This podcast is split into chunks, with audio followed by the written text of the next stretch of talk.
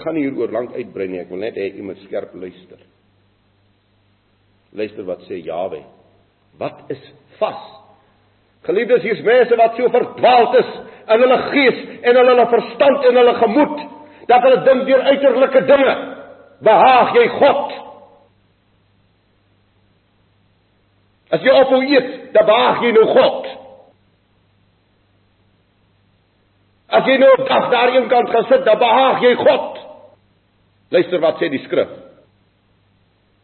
Is dit nie die vas wat ek verkies nie? Dat jy losmaak die bande van goddeloosheid. Die feit dat jy ophou eet het niks te doen met die losmaak van die bande van goddeloosheid nie.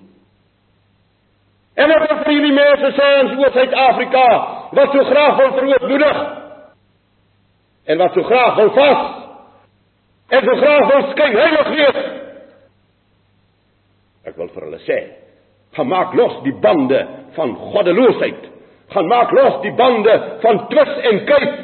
Gaan maak los die bande van skinder. Gaan maak los die bande van kwaad praat. Gaan maak los die bande van vloek en skel. Dit is vas voor die aangesig van Jahwe om veragtig sonde te bely. Suiwer en helder omdat die gees van God jou dwing. En as ons vanaand by die boodskap kom oor die binnekamer, dan sal ons sien wat is dit om voor die aangesig van God volgens hierdie woord te breek. Sonder verskansings en verskonings en selfregverdigings. Geliefdes, is u en ek vanmôre in die gees van Jawe Almagtig so ryp so ryp dat ek werklik kan kniel. Dat ek soos Esra kan sê, ek kan nie ek durf nie my aangesig opslaan na u toe nie. is ons so in die gees van God dat daar nie simpatie in ons harte is vir ons medemense nie maar werklik empatie wanneer Esra sy klere sy hart voor God skeur dan vereenselwig hy hom totaal met hierdie volk van hom. Daar is werklik deellewend meelewing in sy hart en in sy wese met die sondaar en die volk in sonde. U en ek wat so maklik kan projekteer in ons lewe. Ons hande in onskuld was. Dit is tog so jammer dat dit so skerp in ons lewens lê geliefdes. Terwyl ons al kleiner voor die Vader moet buig en kleiner moet word voor sy aangesig. Ek blaai weer terug na Esra toe. Esra 9 vers 9. Want slawe is ons. In ons slawerny egter het ons God ons nie verlaat nie. Maar hy het ons guns laat vind voor die konings van Persië sodat hulle ons verademing geskenk het om die huis van ons God weer op te rig en sy pynhope in her, te herstel en ons 'n muur te gee in Juda en Jerusalem. Wat sê wat sê Israel eintlik? Ons is slawe. Slawe. En geliefdes, Paulus kom skryf van die slawerny van die sonde. En dis eintlik wat Esra deurbring. Hierdie volk het slaaf geword onder die magsryke van sy tyd.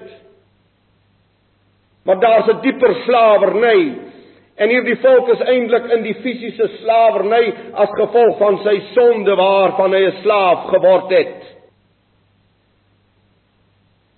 En hoeveel van ons is 'n slaaf van ons sonde? As 'n slaaf van die mag wat in my hart sit wat vir my sê maak so. Het ons slawe geword van die sonde. Daar's een sonde in hierdie volk se hart wat skrikwekkend geword het. En dis humanisme. Dit het so erg geword, die humanisme, die sonde van humanisme. Die sonde van menswees.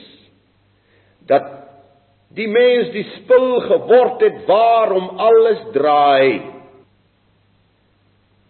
As hy voor God bid, dan gaan dit om hom. Ek herhaal. Humanisme het 'n verskriklike sonde geword in die bestaan van die volk in Suid-Afrika van die mens wat sogenaamd gelowig is. Want hy self het die spil geword waarom alles draai. Sodat as hy bid, dan gaan dit ek dankie o God dat ek nie soos daardie slegte tollenaar is nie. Ons het slawe geword van die dinge van die wêreld, geliefdes. Hoe is ons verslaaf aan hierdie wêreld? Hoe jaag hierdie wêreld ons rond, hoe dryf hy ons rond? Ons het slawe geword van die heidendenke van ons tyd. Want die heidene word op die televisies geplaas En die heidene sê vir my volk hoe hulle dink. En my volk dink agterna. Ons het slawe geword van die heidendenke van ons tyd. En in hierdie verskriklike benoudheid dan skrywe of dan bid Esra hierdie wonderlike gebed. Dan is daar 'n dank in sy hart wanneer hy in oot moet kniel in ons slawerny in ons slawerny egter het ons God ons nie verlaat nie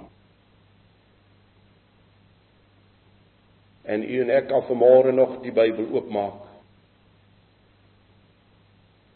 en daar is nog 'n oop poort na die ewigheid ondanks al die sonde en slawerny en die verminkheid van ons gees en lewe. En ons slawerny het Jawe ons nog nie verlaat nie. Het hy ons nog guns laat vind. Verademing. Daar is nog vir ons guns, daar is nog vir ons genade tyd, geliefdes. Daar is vir ons nog genade tyd. Daar is nog vir ons verademing in hierdie tyd. Daar is nog 'n kans om reg te maak. Om werklik tot ootmoed te kom, om werklik te buig.